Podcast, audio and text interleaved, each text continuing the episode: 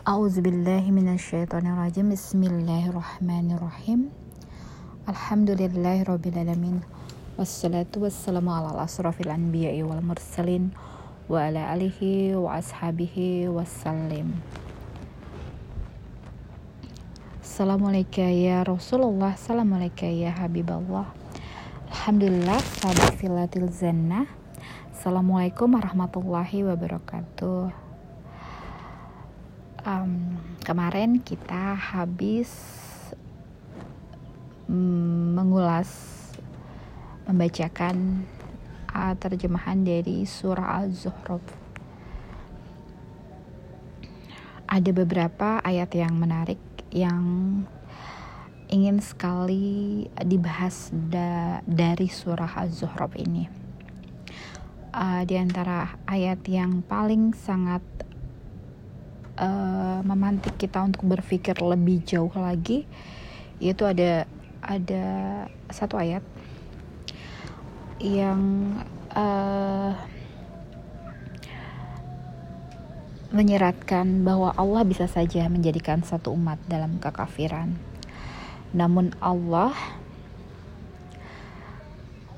uh, membuat itu menjadi tidak dalam satu umat dalam kekafiran dengan dengan memberikan uh, rahmatnya untuk baik orang yang bertakwa maupun orang yang kafir.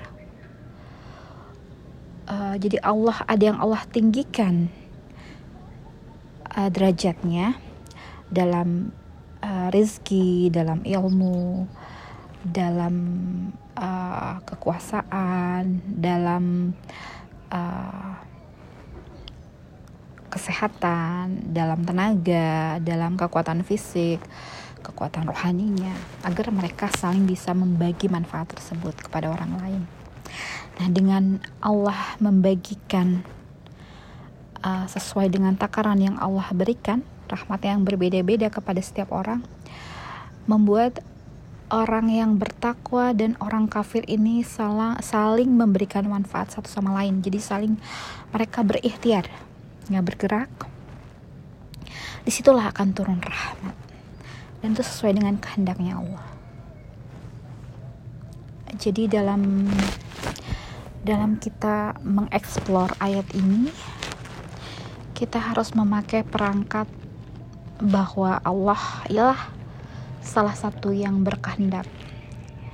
Jadi dalam bahasan ayat yang lain ya Nabi Allah sekedar menyampaikan apa yang menjadi pesan Allah kepada umatnya. Namun yang memberikan hidayah taufik adalah menjadi kekuasaan Allah. Jadi saat kita uh, memberikan segala ilmu pengetahuannya Allah, menjadi hak Allah untuk memberikannya hidayah atau tidak. Itu satu perangkat yang kita pakai. Perangkat yang lain yang kita pakai adalah bahwa Allah uh, sesuai dengan sunnahnya, sunatullahnya.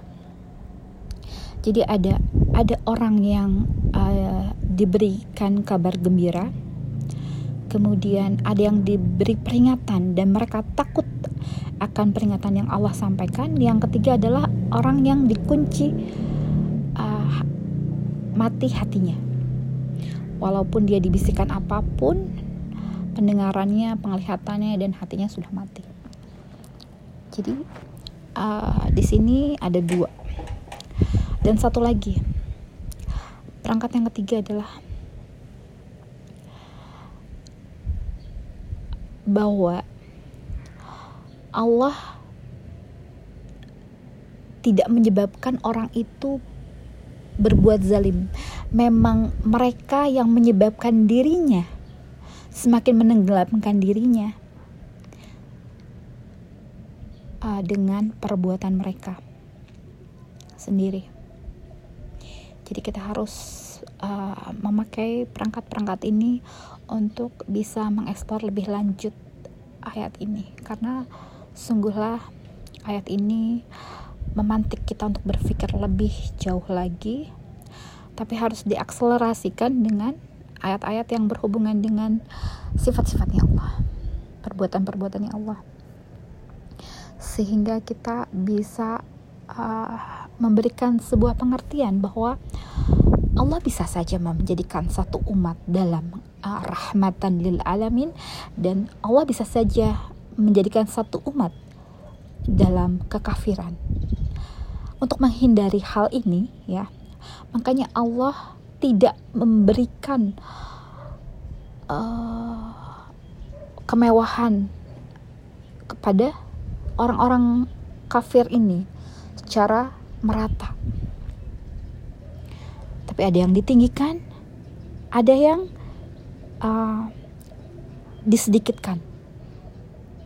Rezeki yang diterima.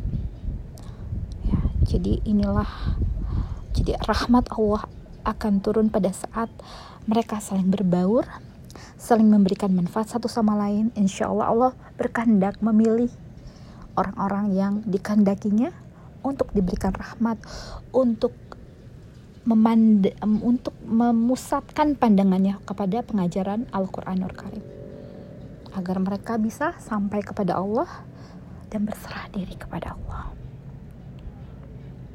Ini adalah uh, Masya Allah Tabarakallah ya Ayat ini uh, sungguhlah uh, membuat kita